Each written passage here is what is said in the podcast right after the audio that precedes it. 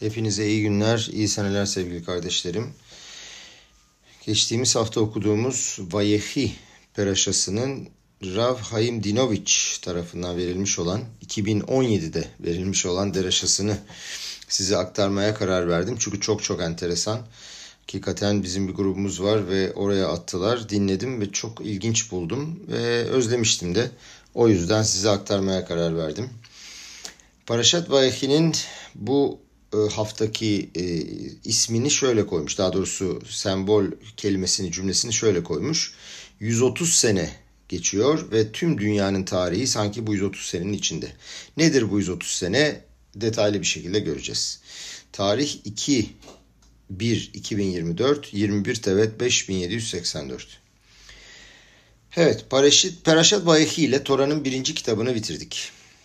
Sof Maase be Mahashavat Hila başta düşünülen yani tüm süreç boyunca düşünülen ve yapılmak istenen her şey ancak sonunda gerçekleşir. Ve e, bu prosesin niçinini, nasılını ancak en sonunda görebiliriz. Bütün İsrail hahamları tarafından en gizli, en derin ve bütün sırların bulunduğu kitap olan bu birinci Bereşit kitabıdır. Çünkü yaratılışın anlamı ile başlıyor, anlatımı ile başlıyor. Adam Arishon ve İsrail köklerinin ortaya çıkışı. Bu kitabın vermiş olduğu mesajlar çok çok önemlidir. Çünkü diğer dört kitabı da içine dahil eder. O yüzden de bütün dünyanın tarihi bu kitabın içindedir. Tora da tüm dünyanın tarihini içinde kapsar. Evet bu Ravdinovic'in tarzı. Gerçekten de epeydir yapmamışız, özlemişiz.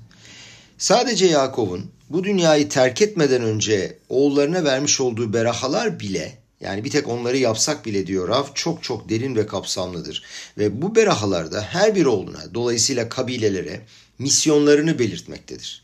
Sadece literal anlamlarıyla anlayarak bu sırların içine tam olarak giremiyoruz. Tora'nın her satırı, her kelimesi ve her harfi tamamen dekodludur, şifrelenmiştir ve içinde bilimsel formüller vardır. Sadece bu bilgilere sahip ve bununla ilgili eğitim görmüş olan kişiler bu ilime erişebilir. Siyans diyor buna Ravdinoviç. Yakov her bir vermiş olduğu berahada bu sırların 1 bölü 12'sini vermiştir. Dolayısıyla 12 bölü 12'si tüm berahaları e, kapsayınca çıkıyor. Yani İsrail tarihinin tüm sırları bu berahaların içinde saklıdır. Dolayısıyla aynı zamanda tüm dünyanın tarihi ve kaderi. Yakup bu berahaları vermeden önce oğullarını çağırır ve der ki gelin sizlere günlerin sonuna kadar yani aharit ayamim günlerin sonuna kadar Maşiyah'ın gelinişine kadar bir deyişle ne olacağını açıklayayım der. Ve bunu okuduktan sonra heyecanlanırız ve bu açığa çıkışın ne olduğunu, neler nerede olduğunu satır aralarında ararız fakat göremeyiz. Tabii ki göremeyeceğiz. Yakup bunu kolay ve basit bir şekilde bize açıklamayacaktır. Bunlar satır aralarına şifrelenmiş bir şekilde gizlenmiştir. Dolayısıyla bunları hemen anlamak mümkün değildir. Nasıl ki E eşittir mc kare gibi e, o fizik formülünü, Einstein'ın fizik formülünü anlamak için birkaç sene fizik okumak ve çok iyi bir eğitim almak, bunu anla, yap, yapsak bile anlamayacağız da bu sırları al, e, almak gerekiyorsa bu demin söylediğimiz sırları da anlayabilmek için muazzam bir eğitime ihtiyaç vardır. Yakov geçtiğimiz haftaki peraşada Paro ile karşılaşır. Paro ona der ki sen çok ihtiyarsın kaç yaşındasın diye sorar. Yakov ona 130 yaşındayım der ve buna olağanüstü bir takım şeyler ilave eder. Der ki bilesin ki der tüm hayatım endişe, eziyet ve sıkıntı içinde geçti. Bunun niçin söylediğiyle ilgili bir sürü açıklama var ama konumuz bu değil. Bizim peraşamızda Vayehi peraşasında da Mısır'da 17 sene daha yaşadığını öğreniyoruz. Dolayısıyla toplamda 147 sene yaşamış oluyor. Ve emin oluyoruz ki Yakup'un söylediği kadarıyla 130 sene çok mutsuz ve umutsuzdu. Son 7 sene ise Vayehi Yakov. Yakup'un gerçekten de mutlu ve iyi bir şekilde yaşadığı son 17 sene bu gerçekti. Son 17 senesini oğulları, torunları ve onların da çocuklarıyla beraber rahat ve huzurlu bir şekilde geçirdi. Yaşamını ailesi etrafında olan bir huzurlu büyük baba olarak bitirdi. Sonunda tüm endişeler geride kalmıştı ve dünyayı bir gülümsemeyle terk edebilirdi. Bilgelerimiz ortaya çıkarırlar ki son yaşadığı 17 rakamı Tov yani daha evvel de konuşmuştuk bunu Tet, Vav, Bet yani 17 rakamına eşittir. Bilgelerimiz şunu belirtmek istiyorlar. Mısır'da yaşamış olduğu bu 17 sene tesadüf değildi. Dolayısıyla Yakup'un yaşamının bilançosunu çıkaracak olursak 130 senelik eziyet ve buna karşılık 17 senelik mutluluk diyebiliriz. Ra ve Tov, iyi ve kötü. Peki biz bu kodu nasıl deşifre edebiliriz? Bunların arkasında neler gizli?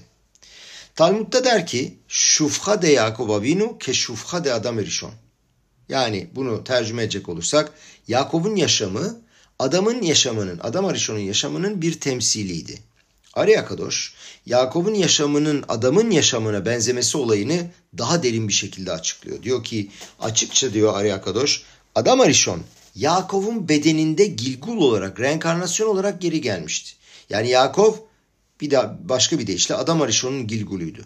Biliyorsunuz Gilgul yani reenkarnasyon hep tamir edici bir amacı vardır.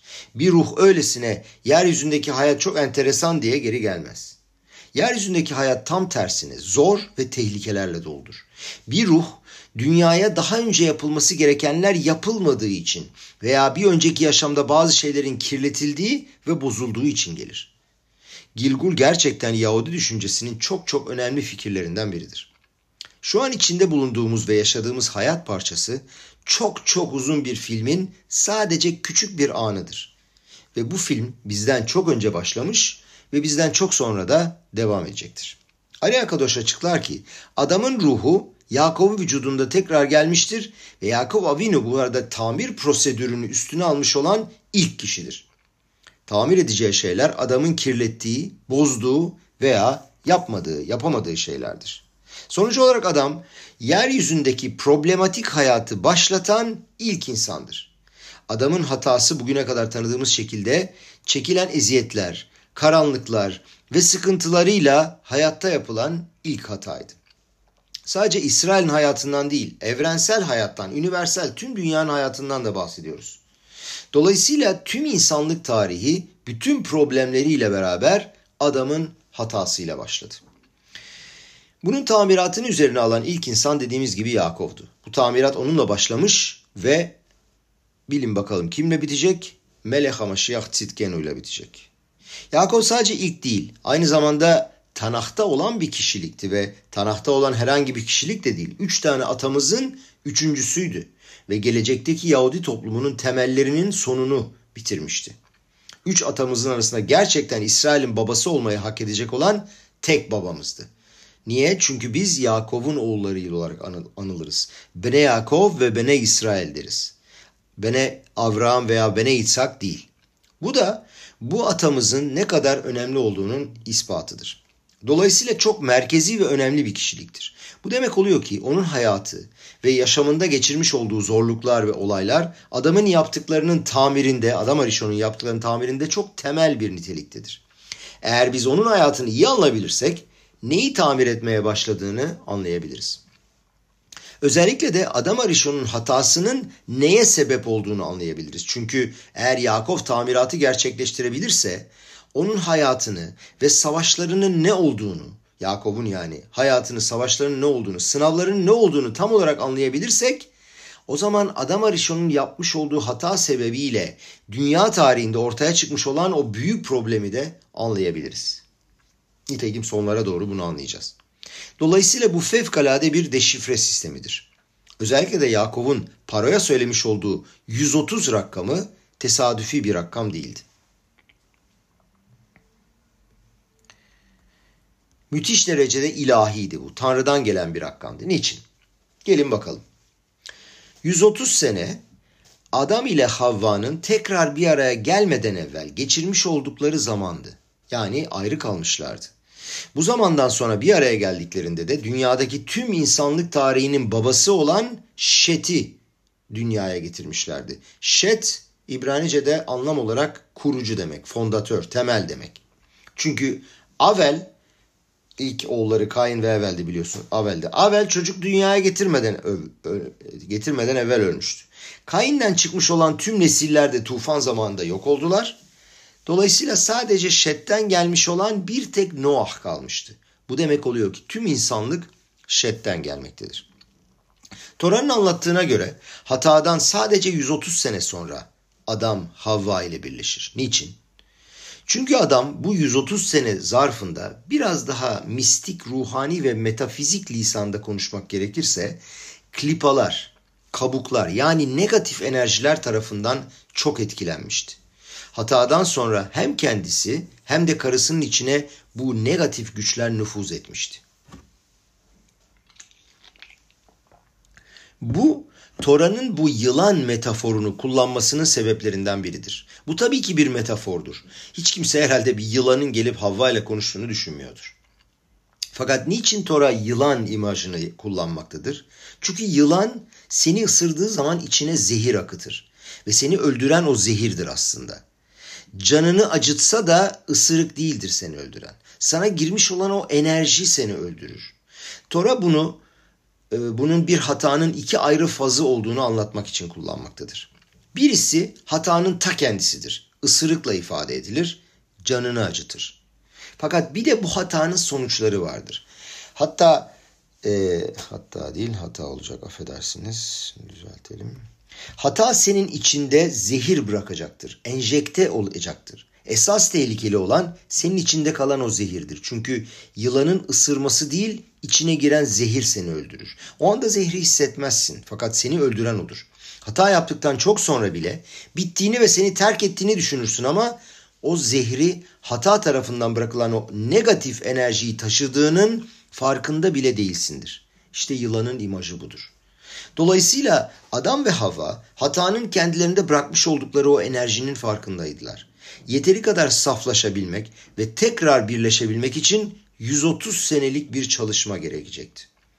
Bu sayede öyle bir ruh indirmeye layık olacaklardı ve böylece garanti de edeceklerdi ki bu, ruhta, bu ruhtan bir daha yok olmayacak bir nesil çıkacaktı.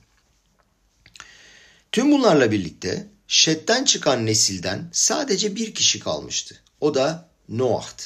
Bu demek oluyor ki Avel çocuğu olmadan yok oldu. Bir daha tekrarlayalım. Kain'in nesli tamamen yok oldu. Şet'in bile yani o kurucu fondatör dediğimiz Şet'in bile neslinin %99,99'u yok oldu. Kim kaldı? Sadece Noah. Ve Noah'tan insanlık tekrar inşa oldu. Buradan anlıyoruz ki Adam ve Havva'nın içine girmiş olan negatif enerjilerin etkisi muazzamdı. O kadar ki onlardan çıkmış olan yüz milyonlarca kişi düşünün tufandan evvelki tüm nesilden bahsediyoruz. Tek Noah haricinde hepsi ama hepsi yok oldular. Bu biblik şemadan anlıyoruz ki hata yaptığımız vakit problem sadece yapılmış olan hatada değil, hatadan sonra bizde kalmış olan şeydedir. Bunu kendimizde yıllar boyunca taşıyabiliriz ve bu birçok psikolojik problemimizin içimizde yaşadığımız o kötü hislerin sebebi olabilir. 20-30 veya 40 sene evvel yapmış olduğumuz şeyleri bazen unutuyoruz. Ve bu bizim içimizde kalıp bize eşlik ediyor. Ta ki bunu itiraf etmeye ve bunu kabul etmeye cesaretimiz olana kadar. Ve kendi yaptığımız şeyin bilincine varıyoruz ve işte o zaman tamir etmeye, temizlemeye karar veriyoruz. Çoğu zaman olan şey şudur ki hata yaptığımızı gördüğümüz zaman onu anlayıp bir daha yapmayacağımıza dair sözler veririz. Yapmayacağız tamam deriz. Onu bir daha yapmayacağımız için sanki olayı tamir etmiş gibi zannederiz. Fakat bundan çok daha olayın bundan çok daha derin olduğunun farkına varmayız. O zehir içimizdedir. Eğer dışarı çıkarmazsak içimizde kalacaktır. Düşünün şeti dünyaya getirmeye layık olmak için 130 senelik bir çalışmadan bahsediyoruz. Şimdi anlıyoruz ki Yakov'un çekmiş olduğu o 130 senelik eziyet Adam Arishon'un o Havva'dan ayrı kaldığı 130 seneye tekabül ediyor. Yakov adamın reenkarnasyonu olma hasebiyle kendisi 130 sene boyunca büyük problemler yaşıyor. Ve sadece o yaşamış olduğu büyük problemleri atlatıp o sınavları geçebildikten sonra sonuçta o Tov 17 senelik Mısır'daki iyi bir dönemi geçirmeye hak kazanıyor. Peki bu 130 seneyi biz başka nerede görüyoruz? Görüyoruz. Analoji, benzetme muhteşem. Geleneklerimize göre Mısır'daki sürgün ve eziyet 210 sene sürdü. Moşe ise Mısır çıkışından 80, ev, 80 sene evvel doğmuştu. E 210 sene bitmeden yani 80 sene evvel doğmuştur. Bu hesaba göre Moşe'nin doğumuna kadar 130 sene geçmişti. Kurtuluşun kıvılcımı ortaya çıkana kadar Mısır'a inişten beri geçen zaman 130 sene olmuştur. O Nitsotsot dediğimiz. Kurtuluşun kıvılcımı daha sonra büyüyecek ve Moşe'nin hayatı boyunca gelişecektir. Fakat o kurtuluşun kıvılcımı halkımızın çıkışından 80 sene evvel ortaya çıkmıştır. Ve bu sürgünün başlangıcından 130 sene sonradır. O kadar ki bilgelerimizin dediğine göre ilk 130 sene en zor ve en sıkıntılı yıllar olmuştur. Moşe'nin doğduğu andan itibaren eziyet azalmaya başlar. Buna karşı çıkanlar olacaktır ama yine de Rav'ın söylediği Şivin Panim Torah dediğimiz gibi Rav'ın söylediğini burada söyleyip geçelim. Bunu genel hayatımıza yansıtacak olursak, Biblik tarihimizin insanlık tarihinin temeli olduğu düşünüldüğünde, bilgelerimizin söylediğine göre son kurtuluş yani Geula Şelema, delivrans final dediği Ravdinovic'in Mısır'dan çıkışta olduğu gibi olacaktır.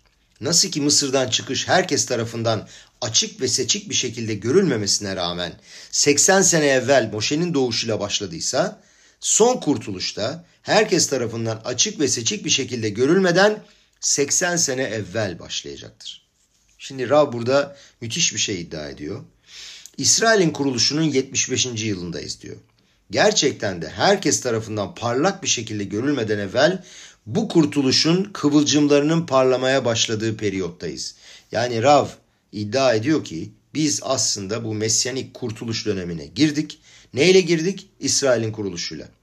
Hiç şüphe duymadan söyleyebiliriz ki diyor 75 senedir mesyanik kıvılcım dünyada parlamaya başlamıştır. Maşiyah'ın kıvılcımı yani. Bu İsrail devletinin kuruluş deklarasyonudur. En az 80 sene. Fakat bundan tabi 10-20 sene daha fazla olabilir. 30 sene fazla olabilir. Bunu kimse e, kahin değil. Hiç kimse bunu tahmin edemez ama Rab'ın iddiası bu. Biz bu kıvılcıma dokunuyoruz. Fakat henüz hepimizin son kurtuluşun geldiğini farkına varacak ve açık seçik görebileceğimiz kadar parlak halde değil. 80'e varmaya 5 sene kalmıştır. O 1900 o 68 demişti tabii o 7 sene geçti. 5 ee, sene kalmıştır. İşte bu yüzden tüm etrafımızdaki ülkelerin tedirgin olduklarını ve bunu engellemek için uğraştıklarını görüyoruz. Herkes üstümüze saldırıyor. Dikkat edin. Bakın ikinci mizmor eğilim ne diyor? Lamarak şu goyim ulumim yegurik yityatsvu malche eretz ve roznim noslu yahat al Hashem ve al meşiho. İkinci teğlim. Neden insanlar toplanıyor ve uluslar boşa konuşuyor? Yeryüzünün kralları taraf oluyor, asiller gizlice komplo kuruyorlar Aşem'e ve Maşiyah'ına karşı. Gerçekten de öyle. Bütün dünyanın bize nasıl saldırdığını hepimiz biliyoruz ve görüyoruz. Dolayısıyla bu 80 yıllık periyoda yaklaştığımız zaman daha çok rezolüsyonlar çıkıyor. Birleşmiş Milletler'in o kötü rezolüsyonları. Amerikalılar bile bizi serbest bırakıyor. Görüyoruz ki kardeşlerim tam da Moşe'nin doğuşuna doğru inanılmaz hükümler ve kanunlar çıkarıyor Mısır. Neden? Çünkü Firavun'un astrologları ve bilgeleri bir takım şeylerin hazırlanmakta olduğunu görmüşlerdi. Yani kurtarıcının geleceğini görmüşlerdi. Ve o yüzden dediler ya işte kızlar yaşasın erkek çocuklar hepsi ölsün diye. İsrail'e karşı olan nefretin patlamasına şöyle bir bakın. Pogromlar Rusya'da, Holokost. Bütün bunlar İsrailoğullarının kendi topraklarına dönmeye başlayıp bir devlet kurma yolunda çalışmaya başladıkları zaman oluyor. Ve Holokost'un bitişi tam olarak da İsrail'in tekrar kurulmasından 3 sene evvel 1945'te oldu. Ve 1948'de biliyorsunuz özgürlük deklarasyonu yapıldı. İsrail'in kurtuluşu. İşte tüm işaretler orada. Buradan da anlıyoruz ki 80'e ne kadar yaklaşırsak etrafımızdaki bu ajitasyonun ne kadar çok artacağını göreceğiz. Peygamberlerimiz bunu Gog Magog savaşına yaklaştığımızın haberini vermişlerdir. Bütün noktalar birbirinin üstüne gelip birbirini tamamlamaktadır. Müthiş derecede kat'i bir eşleşmeden bahsediyoruz. İnanılmaz. Daha önce dediğimiz gibi bugün Tanrı'ya ve Tora'ya inanmak için aslında dindar olmaya gerek yok. Basitçe eğitim almak, anlamak ve gözlerimizi açmamız gerekiyor. Artık bugün bu bir inanç meselesi olmaktan çıkmıştır. Tam tersine eğer bunu öğrenip eğitim alıp hala buna inanmıyorsan e burada bu senin kötü niyetin demektir. Bu o kadar açık ve seçiktir. Bugün yaşadığımız her şey biblik şemanın bir reprodüksiyonu gibidir. Bunu gözlerimizin önünde görmekteyiz. Hatta orada seyirciler diyor ki e, katılanlar e, canlı olarak katılanlar 1917'nin Ocak ayında 70 ülke Paris'te bir araya gelmişler. Düşünün Şivim Umbot. Bu hafta Şemot'ta okuyacağız. 70 e, nefeş iniyor. O 70 nefeş e, duymuşsunuzdur. Dünyadaki o 70 tane ülkeye tekabül ediyor aslında. Ve öyle bir şey ki sanki o 70 ülke Paris'te özellikle toplanıyorlar diyor. Tabii ki onlar bunun farkında değiller ama ilahi tanrı e, divine providence bütün bu olaylarla ve ülkelerle sanki kukla gibi oynamaktadır. Bize gerçeği gösterebilmek ve İsrailoğullarına, Bene İsrail'e ve dünyadaki tüm Yahudilere endişe etmemeleri gerektiğini anlatabilmek için. Çünkü kurtuluşumuz geliyor Bezrat Haşem. Bu 80 yıl, yıllık periyodun sonuna geldiğimizi bize izah edebilmek için bütün taşlar yerine oturuyor. Ve kurtuluşun kıvılcımı neredeyse 80 senedir bize eşlik etmekte. Bu basitçe İsrail devletinin tekrar kuruluşunun periyodunun içinden geçmiştir. Bütün bu benzetmeleri yaptıktan sonra adamın kendini temizlemesi için 130 seneye ihtiyacı vardı. Ve işte hangi benzetmeleri yaptık? Adam Arishon'un kendini temizlemesi için 130 sene ihtiyaç vardı. Şöyle bir özet yapıyor. İsrailoğullarının mesyanik kuruluş kurtuluş kıvılcımını görebilmesi için Mısır'da 130 sene geçirmesi gerekiyordu. Ve buna karşılık Yakov Avinu'nun 130 senelik ilk yaşam periyodu. Affedersiniz. Şimdi Yakov'un bu 130 sene boyunca bu karanlık e, geçirmiş olduğu bu karanlık geçirmiş olduğunu söylediği periyodu deşifre edebiliriz.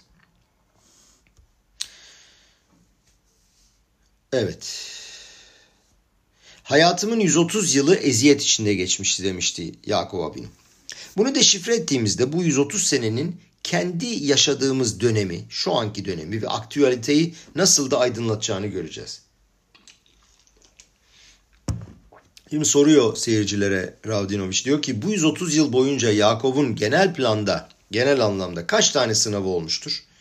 3 tane ana başlıkta kaç tane karşılaşması ve savaşı olmuştur? Birincisi Esaf, ikincisi Lavan, üçüncüsü de çocukları sebebiyle çekmiş olduğu eziyet, Yosef'in satılması vesaire vesaire. Çocuklarıyla yaşamış olduğu eziyet hepsinden daha zor ve sıkıntılı geçmiştir. Enteresandır Sınavların iki tanesi dışarıdan, bir tanesi de içeriden gelmiştir. Rav e, bu bundan sonra yapacağı konuşmayı e, Kol Ator Rav Sokolov tarafından e, Vilna Gaon, Vilnalı Gaon'un çok önemli öğrencilerinden olan Rav Sokolov tarafından yazılmış olan müthiş bir kitaptan bahsediyor. İsmi Kol Ator, Kuşun Sesi diye. Ve e, Geula Harona yani son kurtuluşla alakalı müthiş şeyler yazıyor ve 300 sene evvel yazılmış. E, bunun İngilizcesi var bu arada. Girerseniz Google'dan e, orada Yedit Nefeş diye bir e, şey var. Ben oradan PDF olarak İngilizcesini indirdim. Bakalım okumak kısmet olur inşallah. Son kurtuluş olan bizim dönemimizle ilgili e, alakalı yazılmış bu ve diyor ki Gaon de Vilna'nın inanılmaz bir e, peygambersel vizyonu var ve genel anlamda çoğunlukla Holocaust'a, Shoah'a referans yapılmış. Gaon haftalarca o periyotta haftalarca kendini bir odaya kapamış. Sürekli ağlamış ve Akadosh Baruhu'ya lütfen bu gızerayı, bu hükmü iptal edebilmem için bana izin ver diye yalvarmış. Öğrencilerine kapıyı kesinlikle açmamış. Yemek yemeyi reddetmiş. Sadece açlıktan ölmemek için küçük bir şeyler yiyip içmiş. Ve birkaç hafta sonunda kapıyı açmış. Yüzü son derece acı içinde ve ağlamaklıymış. Yapamadım demiş. Başaramadım. Rav Sokolov ona sormuş. Neyi yapmayı başaramadın Rav demiş. O verilmiş olan hükmü, o cezayı iptal edemedim. Bu maalesef bir felaket olacak. Ve bunun Holocaust'a e, refere ettiğini söylüyorlar. Bu kitapta Gaon de Vilna Rav'a şunu aktardı. Dedi ki İsrail'in son sürgününde üç tane büyük savaşı olacaktır. Birincisi Esav'a karşı yani Batı dünyasına karşı. İkincisi İşmail'e karşı ve en son ve en zoru da kendisine karşı yani kendi içinde yapacağı savaş olacaktır. Ve bugünlerde gördüğümüz gittikçe büyüyen ve çoğalan kendi içimizdeki münakaşalar ve problemler aslında bunun ispatı. Çok detaya girmeden İsrail'de olan son ideolojik ve politik tartışmaları hepimiz biliyoruz. Enteresan olan 2017 yılında da vardı ve şu anda bu daha da yükselerek devam ediyor. Dün işte tekrar o e, Mişpatim şeyin e, e, Mapeha Mişpatit yani e, devrim e, şeyin hükümetin çıkarmış olduğu e, adalet reformunun e, tekrardan gündeme gelmesi ve tekrar insanların tartışmaya başlaması başladı. Bir yandan savaş devam ediyor. Çocuklar orada bütün canlarını ortaya koyuyorlar. Burada politik bir takım oyunlar oynanıyor. Bakalım inşallah hayırlısı. Dediğimiz gibi Maşiyah'ın bir an evvel gelmesi lazım. Evet Gaon de Vilna diyor ki Esav ve İşmail'in klipası yani negatif enerjileri İsrail'in içinde buluşacaklar. Ve bu yüzden İsrail milleti kendi içinde münakaşalar, anlaşmalar, anlaşmazlıklar ve çekişmeler içinde olacak. Peki ne demek oluyor bu? Yani ne demek Esav'ın ve İsmail'in klipası? Şöyle açıklıyor Rav tamamen batılılaşmış olanlar ve pro İsmail yani şu andaki Filistin, pro Filistin olanlar, İsmail'in tarafından olanlar İsrail toplumunun içinde müthiş problemler çıkaracaklar. Aynen bugünlerde görmüş olduğumuz gibi. Bu demek oluyor ki batılı anlamda ve batı medeniyeti içinde tamamen asimile olmuş olanlar ve aynı zamanda her zaman İsmail tarafında olanlar İsrail'in içinde problem ve zayıflama e, yaratıyorlar. Şimdi burada e, Rav Betselem diye bir kuruluştan bahsediyor. E, bu 2016-2017 yıllarında Rav'ın Yeruşalayim'de bir e, bürosu vardı. Bir e, bet midraşı vardı. Hem sinagogda hem orada ders verirdi. O aynı zamanda bu alt katında da Betselem'in bürosu vardı. Daha sonra yangın oldu. Ve o dumandan dolayı oradan ayrılmak zorunda kaldı. Fakat e, iyi ki de ayrıldım diyor oradan. Çünkü ya dayanılmaz bir e, gruptu diyor. Ve diyor ki bu İsrailli Yahudi bir organizasyon aynı zamanda. Google'larsanız görürsünüz. Küçük bir e, paragraf attım zaten e, buraya pdf'e. Ve sürekli İsrail toplumuna zarar vermeye uğraşıyorlar. Sözde Yahudiler. Fakat tüm kendi özgür iradesiyle İsrail halkına saldırıda bulunuyorlar. Sürekli bir pro Filistin ve hakikaten e, İsrail toplumuna müthiş zarar veren şeyler. İşte diyor ki bu tam olarak diyor Yakov'un başına gelenlerdi. Yakov ne yaptı? Dışarıdan gelen iki düşmana karşı savaştı. Ve daha sonra ise içeride patlayan başka bir problemle, en büyük problemle yüzleşmek zorunda kalacaktı. Kendi çocuklar arasındaki tartışma, nefret ve savaş. Hiçbir anlamı olmayan suçlamalar ve sebepsiz nefret üzerine kurulu kavgalar. Tabii ki bir anlamı var da e, yüzeysel anlamda bakacak olursak anlamı olmayan kavgalar. Zoar'ın ve tüm ravlarımızın açıkladığı gibi yine sebepsiz nefret yüzünden İsrail'in son sürgününün biblik kökü Yosef ve kardeşleri arasında olan tartışmalardı. En çok ve sadece sebepsiz nefrete dayanıyordu. Bir manası olmayan asılsız fantaziler, hiçbir manası olmayan öylesine yapılmış laşonara. Biraz daha düşünecek olursak, Yakup'un Esav'a, Lavan'a ve kendi çocuklarına karşı yaşadığı anlaşmazlık ve çekişme neydi? Çünkü çocuklarıyla olan anlaşmazlıkta bir şekilde Yakov da sorumluydu. Çünkü sonuç olarak onların babasıydı.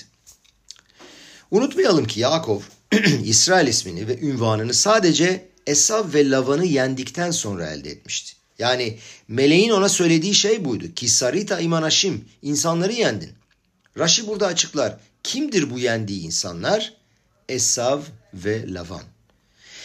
İsrail bizim toplumumuzun almaya layık olduğu ve nihai kurtuluşa İsrail ismi yani bizim toplumumuzun almaya layık olduğu ve nihai kurtuluş anında Geula Şelema zamanında e, delivrans finalde herkesin daha sonradan bizi böyle tanıyacağı bir isim olduğu için İsrail. Diğer ülkeler niçin şu anda İsrail ülkelerini tanımıyor? O şimdi anlayabiliyoruz. Çünkü Tora önceden bizi uyardı diyor ki diğer ülkeler bizi İsrail olarak ancak nihai kurtuluş zamanında, Gevula Şelema'da Maşiyah geldiğinde tanıyacaklardır. Çünkü Yakov'a İsrail ismini veren kim? Ülkeler. Esav ve Esav'ın meleği. Diğer ülkelerin meleği. Biliyoruz ki bu isim Gevula Şelema son kurtuluş zamanındaki isimdir. Bu demek oluyor ki biz henüz bu seviyeye çıkmayı başaramadıkça devletler bizi İsrail olarak tekrardan tanıyamıyorlar. Ve bugünlerde bizim vermiş olduğumuz İsrail ismini reddediyorlar. Çünkü bu aslında İsrail topraklarıdır. İsrail topraklarına evet İsrail toprakları diyorlar. Ama toplum olarak bizi, halk olarak bizi Yahudiler olarak tanıyorlar. Bize ismimizle İsrail demiyorlar. Topraklara İsrail diyorlar. Zamanında Yakup'un kendisiyle olan problemi şimdilik de İsrail toprakları ile ilgili tartışma haline gelmiştir. Bu arada hatırlatmak istiyoruz aynı zamanda şunu da söylüyor. Devlet olarak evet Medinat İsrail, İsrail devleti diyor ama bizim toplumumuza halka İsrail demeyi reddediyorlar. Nasıl ki İran, e, Hamas e, ve İmah Şemam ve Zihram bizleri e, kabul etmiyor ve toprağı denize dökmek istiyorsa ve bir sürü ülke gerçekten dikkat edecek olursanız Yeruşalayim'e e, şeyini e, konsolosluğunu taşımayı reddederken ve, bir, ve Birleşmiş Milletler'de sadece bize karşı bir sürü negatif e, karar alınırken bunun gerçekliğini görebiliriz. Ee, evet dedik ki İsrail devletin ve toprakların ismi fakat bize henüz toplam olarak İsrail deme ünvanını layık görmüyorlar. Devletler, diğer ülkeler sadece Esav ve Lavan'ı yenmeyi başardıktan sonra bize halk olarak İsrail diyeceklerdir. Bu iki klipanın bu 130 senedir bizimle savaşan bu iki negatif enerjinin ne olduğunu şimdi anlamaya çalışacağız ve bundan sonraki ders çok çok enteresan hale geliyor. Bu nihai kurtuluşa kadar süre gelen savaşın sembolüdür. Yakov'un 130 sene boyunca eziyet çektim demekle referans yaptığı işte budur. Esav, Lavan ve kendi çocukları. Peki iki tane karşıtlık var. Birisi Esav ve Yakob arasındaki konflikt, mahluket. Bir de Lavan ve Yakob arasındaki karşıtlık. Peki bu ikisinin arasında ne fark vardır? Bir tanesi bir daha tekrarlayalım. Esav ile Yakob arasında. Bir tanesi de Yakob ile e, Lavan arasında. Peki bu ikisi arasında nasıl bir fark var? Çok enteresan bir fark göreceğiz şimdi. Yakob ve Esaf arasındaki çatışma ve münakaşa nedir? Behora biliyoruz. Behor'un kim olduğunu bilmek üzerinde ulaşan bir kimlik çatışmasıdır. Yani birinci kimdir? Başka bir lisanda söylemek gerekirse seçilmiş olan, the chosen kimdir? Doğrudur bana diyeceksiniz ki Esav'ın kendisi Behor'a haklarını sattı, ilk doğan haklarını sattı. Ama öte yandan hayatının sonuna kadar ne iddia etti? Dedi ki Yakup benim zayıf tarafımı kullandı, benden faydalandı, ben açtım, ne yaptığımın farkında değildim, beni aldattı filan falan ama eninde sonunda Behor benim dedi Esav. Behorluk hakkını hiçbir zaman satmak istemediğinin ispatı babası Yitzhak'tan gidip berahaları almaya gelmesiydi. Eğer berahaları almaya geldiyse kendisinin hala behor olduğunu iddia ediyordu. Çünkü berahalar ilk doğana behora verilmeliydi. Bunu almaya gelmiş olması kendisinin o zamanlar hani genç olduğunu iddia etmesi işte ben 15 yaşındaydım gençtim hayat tecrübem yoktu gibi bir sürü mazeret. Yani behor benim. İlk doğmuş olma hakkımı hiç kimse benim üstümden alamaz. Ve hepimiz biliyoruz ki Tora'da behorluk kavramı sadece ilk doğmuş olmak demek değildir. Seçilmiş olanın kim olduğudur. Yani Aşem'in bu dünyadaki misyonunu sonuç olarak kim üstüne alacaktır? Esav ile olan tüm çatışmamız ve anlaşmazlığımız nedir? İsrail kimdir? Eskiyi çıkarıp yeninin ismini alıp İsrail'in kim olduğunu ortaya koymak istiyor. Yani gerçekten de bu bir kimlik çatışmasıdır. Kimlik hırsızlığıdır. İsrail biziz. Şimdi bütün bu nüansları gözden geçirecek olursak bizim beta miktaşımız yıkıldıktan sonra 2000 senedir onlarca yıl boyunca böyle söylenen nüansları koyarsak işte Vatikan'da olan bitenler, Katolik, Protestan, Evangelik bütün bunların arasında bir sürü nüans bulabiliriz ama şematik olarak bütün Hristiyan aleminin ortak paydası nedir? Diyorlar ki kardeşim siz Betamiktaş'tan kovuldunuz. Tanrı sizi terk etti. 2000 senedir gerçek İsrail biziz. Öyle diyor Hristiyanlar. Ve diyor ki siz bizim İsrail olduğumuzu bir türlü kabul etmiyorsunuz. Ya burada biz biziz, siz de sizsiniz, biz sizden daha iyiyiz böyle bir olay yok. Diyor ki hayır diyorlar biz siziz. Tanrı'nın seçmiş olduğu biziz diyor Hristiyanlar. Nekuda nokta. Peki bu Esaf. Peki Lavan'la olan çekişme ne? Lavan'ın biz olmak istemesi midir olay? Hiç de değil. Bakın burada da müthiş bilimsel bir siyantifik bir açıklama var. Lavan ne diyor? Lavan diyor ki sen sensin diyor ben de benim. Problem yok burada. Farklıyız. Ama diyor senin olan her şey benimdir. Ne diyor hatırlayın. Yakov gitmeye çalıştığında kızların benim kızlarımdır. Eşlerin benim kızlarımdır. Oğulların benim oğullarımdır. Dolayısıyla sende olan her şey benimdir. Demek oluyor ki Lavan Yakov'un olan her şeyi sahiplenmek istiyor. Hiçbir şekilde Yakov olmak istemiyor. Fakat Yakov'a ait olan her şeyi almak istiyor. Birkaç biraz sonra İsmail ile olan bağlantıyı göreceğiz. Gerçekten fabülö diyor, muhteşem. Bu demek oluyor ki Yakov 130 sene boyunca iki düşmanla karşı karşıya geliyor. Bir tanesi diyor ki ben senim diyor. Sen yoksun, sen eskisin, antiksin, sen var olmuyorsun. You don't exist. Hani derler ya tu n'existe pas. Şarkı gibi oldu. Ötekisi de sen sensin. Benim Yakov olmak gibi hiçbir niyetim yok. Fakat buna karşılık senin olan her şey benimdir. Yeruşalayim benim, Kotel benim, Yehuda ve Şomron benim. Hepsi benim. Alacaksan diyor ki Rab Dizingof'u al, Tel Aviv al, Yehuda ve Şomron'u nasıl alıyorsun diyor. Ne demek diyor. Kotel'e mağaraviyi almak istiyorlar en sonunda. Bu nasıl bir çılgınlık. Ve diyor ki Rav birçok Yahudi büyüğünün, e, Gadol e, Yahudinin mezarının olduğu yerin üstünde bir cami olduğunun farkına vardınız mı diyor. Mesela Hevron'da hakikaten öyle. Hevron'da Mağarat Amahbel'in üstünde bir cami var. Şmuel Anavi'nin gömülü olduğu yerin üstünde cami var. Şhem, Yosef, Yosef'in gömülü olduğu yer. Hep kendilerine mal ediyorlar. Yahudilerin kutsal bir, bir şey düşünün tam tersine biz Yahudi olarak kutsal bir Müslüman veya bir Hristiyanın gömülü olduğu yerin üzerinde bir sinagog inşa edebilir miyiz? Böyle bir şey olabilir mi? Boğazımıza bıçak dayasalar bile böyle bir şey yapmayız. Kendi ibadethanemizi başka dinlerin temsilcilerinin gömülü olduğu yerlerin üstüne inşa ederek kirletmeyeceğiz. Niye kirletelim? Bu mantık dışı. Onlar ise tam tersi. Mübarek bir Yahudi buldukları anda bir kadoş çat üstüne bir cami inşa ediyorlar. Bu inanılmaz bir şey. Hepsi bizim diyorlar. Şhem bizim, Nablus, Hevron bizim, Meharat Mahbela bizim, Kotel bizim. Bilin ki diyor Rab, Arabayt'te hiçbir zaman bir kilise, bir tapınak olmamıştır. Tabii Betamiktaş'tan sonra konuşuyoruz. Her zaman bir cami olmuştur. Onlara göre Salomon Müslümandı, Rahel de Fatima'ydı. Şimdi Hristiyanlar açısından Jezu, onlar da onun. Tabii onlar kötü olan her şeyi Yahudilerden bilirler. İyi olan şeyler Filistinler yüzünden. Jezu'yu kim öldürdü? Biz öldürdük. Fakat Yahuda'da olan Betlehem, aa onlar her zaman Müslümanlara aitti. Palavra. Diyor ki nasıl yaptıklarını, nasıl bir hesap yaptıklarını bilmiyorum diyor. Fakat bunlar Fransız diyor. Her şeyi yapabilirler diyor. Tam bir çılgınlık. Bu şimdiye kadar konuştuğumuz bu da Lavan. Son geçtiğimiz 2000 sene boyunca ya birisi bize ben senim demiştir Esav gibi ve Katolikler Hristiyanlar gibi ya da senin olan benim demiştir.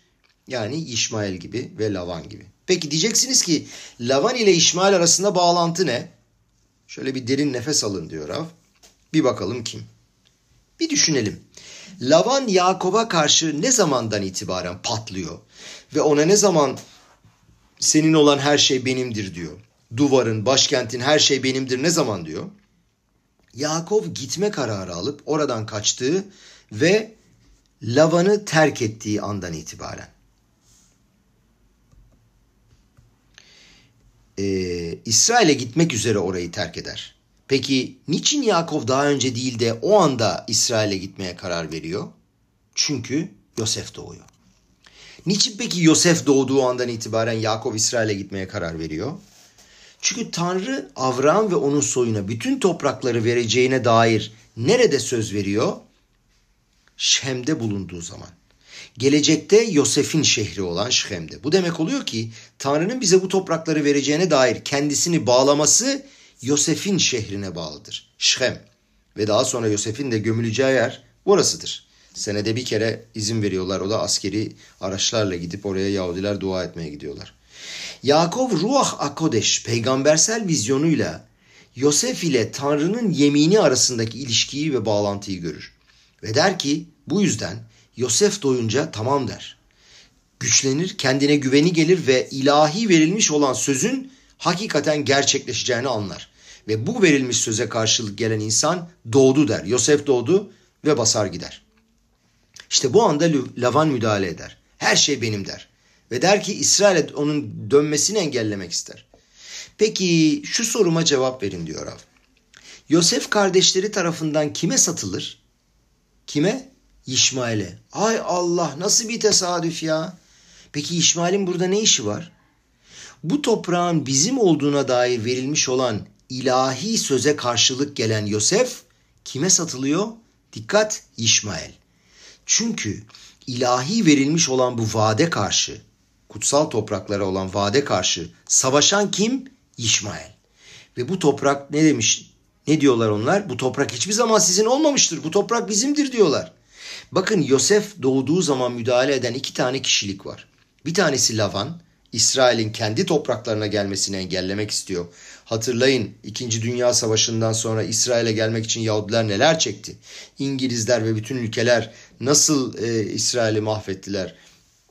E, Türkiye'ye gelen o e, geminin e, e, yıkılması ve bir sürü yolda ölen e, Yahudi kardeşimiz. Ve sonuç olarak İsmail'e satılmış olan Yosef. İsmail Yosef'i yok etmek isteyen biblik kehanetin figürasyonu. Yosef'e daha ileride ne deneyecektir? Maşiyah ben Yosef. Ve Maşiyah ben Yosef kime karşı savaşmaktadır, savaşacaktır ve şu anda da savaşmaktadır? İsmail'e karşı. Maşiyah ben Yosef'in tüm dönemi İsmail'e karşı olan savaştır. Ve Yosef İsmail'e satılmıştır. Şu Tora'nın kesinliğine bir bakın. İsmail'in tarihteki özellikle bu çağdaki ilham verici modeli kimdir? İsmail'in Lavan. Ne diyor Lavan? Biz Yahudi değiliz. Tam tersine kesinlikle sizin gibi olmak istemiyoruz. Biz çok farklıyız. Fakat sizde olan her şey bizimdir. Pekala Adam Arishon'un hatasına geri dönecek olursak. Adam Arishon'un hatası dünyada gerçeğe ve iyiye saldıran iki tip yalanın ve kötünün doğmasına sebep olmuştur. Sen benim diyen bir kötülük ve diğerinin sahip olduğu gerçek olan her şeyi almak isteyen bir kötülük. İşte adamın hatasından kaynaklanan iki etki. İsrail'e saldıracak olan halklar, milletler ve medeniyetler yaratmak. Bir türü bunun kimliğini çalmak isteyecek, diğeri de onun sahip olduğu her şeyi çalacak. Yani bir tanesi Batı dünyası Hristiyanlık, bir tanesi de İsmail e, ve Arap dünyası. Filistinler diyelim. Diğer Araplarla bir problemimiz yok çünkü.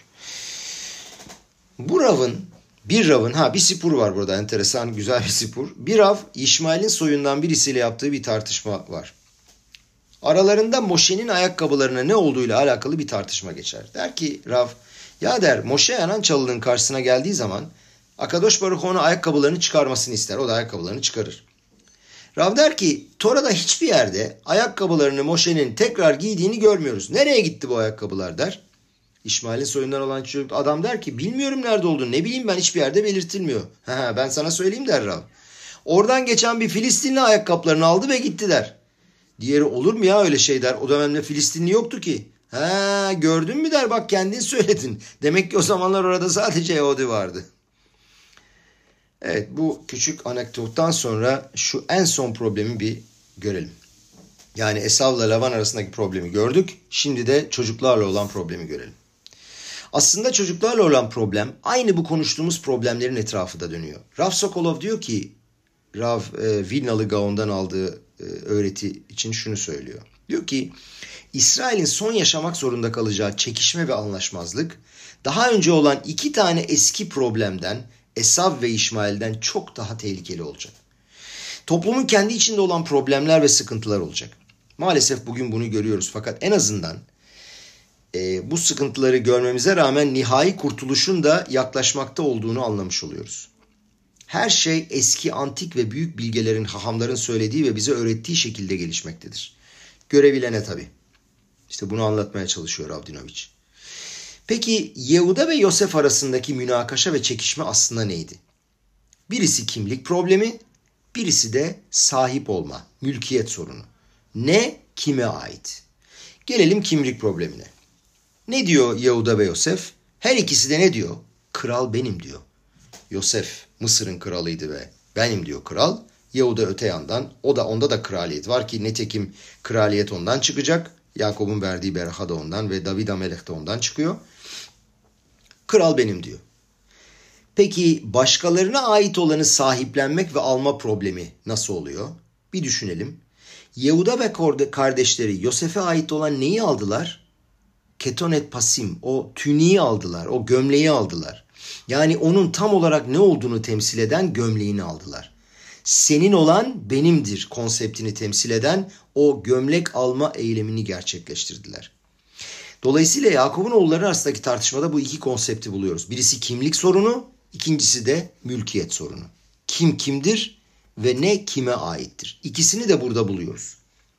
Hep içimizde olan fakat gittikçe daha fazla gördüğümüz problemler. Şu an halkımızın içinde iki tane esas problem yaşıyoruz. Gerçek Yahudi kimliği nedir? Toplumun bir kısmı diyecek ki ya şu anda biz evrensel, universal bir adam ol, dünya adamı olmak istiyoruz, bir kişi olmak istiyoruz. Din kesinlikle umurumuzda bile değil. Bu artık bizim kimliğimiz değil diyorlar. Tabii ki bunu biraz aşırıya kaçarak söylüyoruz. Çok şükür ki bir sürü insanda bu böyle değil ama böyle söyleyen maalesef içimizde bir sürü kişi var. Diğer çatışma kim? Kimlik değil fakat bir mülkiyet çatışması. Aramızdan birçok kişi İsrail'in içinde Yeruşalayim'in ve Yahuda ve Şomron'un bizim olmadığını söylüyor. Ve bunu ifade etmekten de hiç gocunmuyorlar. Hiçbir problem yaşamadan söylüyorlar. Bizim değil diyorlar solcular. İsrail halkı içinde bu iki çatışmayı buluyoruz. Fakat gerçekten bunun sebebi nedir? Ve Rav Sokolov şunu söylüyor. Diyor ki biz diyor sürekli hasta adamlarla ilişkide olduğumuz için maalesef biz kendimiz de hasta olduk. İsrail halkı 2000 yıl boyunca kendisine sen sen değilsin ve senin olan her şey benimdir diyen insanların ve toplumların arasında yaşadığı için sonunda maalesef hastalık ona da bulaştı. Ve aramızda birçoğu, aramızdan birçoğu bu DNA, DNA'mıza sızmış olan zehir yüzünden hasta olduk. Bu yüzden içimizden çoğu kimse gerçekte kim olduklarını tanımak istemiyorlar ve kendilerinin olan şeylere sahip çıkmak da istemiyorlar. Ve tabii ki Esav ve İsmail tüm bu yollar yıllar boyunca ısrarlı bir şekilde buna sebep olmak için baskı yaptılar. İşte kardeşlerim yılanın ve akıttığı zehrin sırrı budur. Yılan seni ısırdığı andan itibaren zehir içine akmıştır artık. Senden ayrılmaz. Kesin olmak adına diyebiliriz ki Esav ve İsmail ile olan çatışmamız ısırılma eyleminin kendisidir. Fakat bizim kendi içimizdeki çatışma içimizdeki zehrin etkisidir. Görüyoruz ki Tora'nın kesinliği gerçekten ilahi. Sadece Tanrı'nın kendisi, sadece Tanrı'nın kendisi e, Tora Akdoş'a kanalıyla binlerce yıl sonrasını izah edecek olan bu kadar kesin bir imaj verebilir. Bu demek oluyor ki verilebilecek olan birçok imajdan en etkili ve olması gereken tek imaj yılan imajıydı. Çünkü iki tane etki var. Birincisi ısırık, bir tanesi de zehir. İşte kardeşlerim bu şekilde İsrail halkının tüm ve tüm dünya halklarının problemlerini bulmuş oluyoruz. Ve nihayet sonuç olarak söyleyebiliriz ki Maşiyah gelecek. Hani herkes der ki ya nasılsa Maşiyah gelecek biz bir şey yapmasak da olur. Böyle bir şey yok. Biz bir şey yapmaz ve çalışmaz isek Maşiyah'ın gelmeyeceğini bilenler için ise yapmamız gereken çok iş var kardeşlerim. Birincisi İsrail içinde ve bence dünyanın her yerinde yapmamız gereken karşılıklı saygı, birlik ve kendi içimizde anlayışlı olmaktır. Bilmemiz lazımdır ki bu sebepsiz nefret durumunda biraz daha çok radikal hale gelen herkes sadece ateşe biraz daha benzin atmaktadır. Bu tip insanların içeriden bizi yutmasına izin vermeyeceğiz. Bugün herkes kim olduğuna, kendi inancına ve görüşüne saygı göstermeli ve onore etmelidir. Öte yandan bizim gibi düşünmeyenlere karşı en çok tolerans sahibi, daha çok tolerans sahibi ve en az şiddetli ve öldürücü olmaya çalışmak lazım. İdeolojik fakat burada e, Rav şuna dikkat ediyor. İdeolojik çatışmalar ile aktif çalışmalar arasındaki bir farkı da iyice gözlemlemek ve tespit etmek lazım diyor. Ne demek istiyoruz? Diyor ki evet diyor senin gibi düşünmeyen her insana tolerans göstermek, saygı göstermek gerekir. Onu dinlemek gerekir. Onun fikirleri tamamen çılgınca görünse bile dinlemek lazım. Fakat bütün bunlar diyor ideolojik platformda kaldığı sürece geçerlidir. Fakat eğer bu adamlar halkımızı tehlikeye atacak somut bir eylem yaptığı andan itibaren o halde kesinlikle tepki verme, savunma ve acımasız olma gibi bir görevimiz vardır. Çünkü tehlikeye düşme durumunda e, tehlikeye düşme durumunda hiçbir şey yapmama gibi bir hakkınız yoktur. Abale orgeha aşkemle orgo. Seni öldürmeye gelen birisi olduğu vakit kalk ve sen öldür. Betselem'e karşı demin söylediğimiz e, şeye karşı e, e, organizasyona karşı bu yüzden çok şiddetli bir tepki verdim diyor verdim diyor Rav. Ve sol tarafla hiçbir şekilde aynı yerde olmaya kendime izin veremem bu yüzden diyor. Çünkü okey diyor ideolojik seviyede ve legal bir şekilde kanuni normlarda hareket ettiği takdirde problem yok.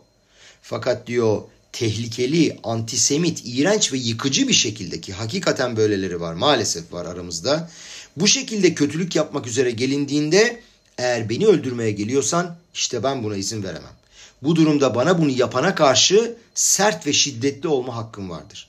Bu toplumumuzun hakikaten çok çok önemsiz bir oranına denk geldiği için gerçekten bu ekstrem gruplar çok çok küçük bir oran.